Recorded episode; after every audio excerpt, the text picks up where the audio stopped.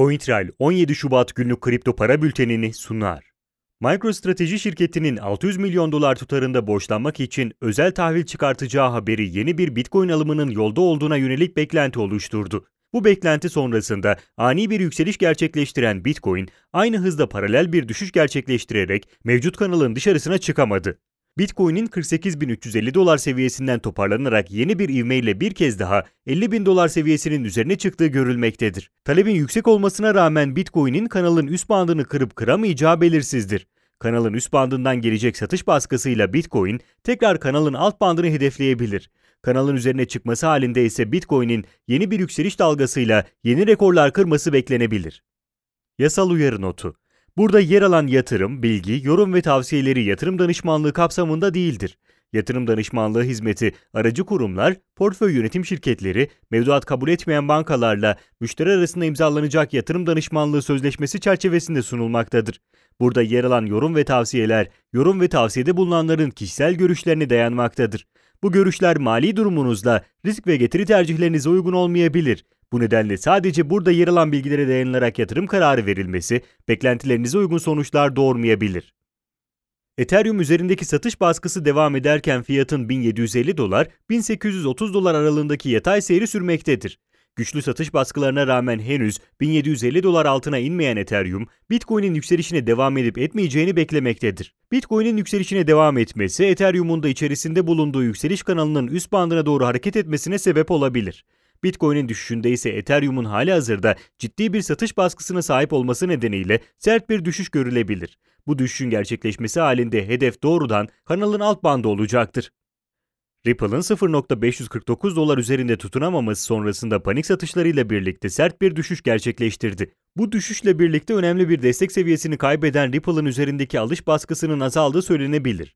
Ripple'ın 0.549 doların altında olması sebebiyle Bitcoin'in yükseliş gerçekleştirmesi halinde bu yükselişe paralel bir tepki görülmektedir. Satış baskısının gücü Ripple'ın nispeten daha kötü bir performans göstermesine neden olacaktır.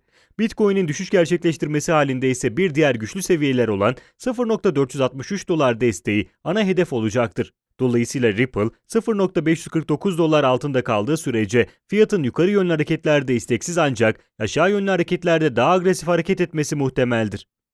Dogecoin trend çizgisinin altında kalarak bu seviyeyi takip etmeye devam etmektedir. Bu nedenle fiyat üzerindeki satış baskısının gücünü koruduğu söylenebilir.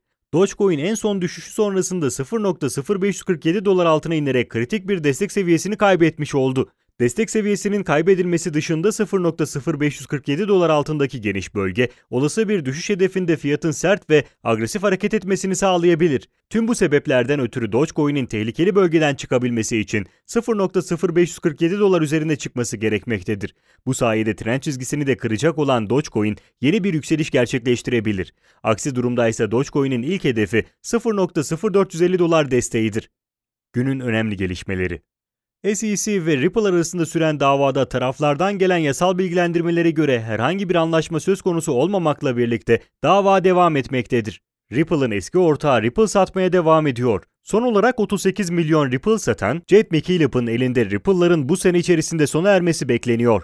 Hong Kong Finans Otoritesi FTSB'nin yasa önerisi kabul edilirse sadece profesyonel trader ve yatırımcılar kripto parayla işlemde bulunabilecek. Bunun dışındaki vatandaşlar için kripto para servisleri yasaklanacak. Yasal uyarı notu. Burada yer alan yatırım, bilgi, yorum ve tavsiyeleri yatırım danışmanlığı kapsamında değildir. Yatırım danışmanlığı hizmeti aracı kurumlar, portföy yönetim şirketleri, mevduat kabul etmeyen bankalarla müşteri arasında imzalanacak yatırım danışmanlığı sözleşmesi çerçevesinde sunulmaktadır. Burada yer alan yorum ve tavsiyeler, yorum ve tavsiyede bulunanların kişisel görüşlerine dayanmaktadır. Bu görüşler mali durumunuzla risk ve getiri tercihlerinize uygun olmayabilir. Bu nedenle sadece burada yer alan bilgilere dayanılarak yatırım kararı verilmesi beklentilerinize uygun sonuçlar doğurmayabilir. CoinTrail 17 Şubat günlük kripto para bültenini sundu.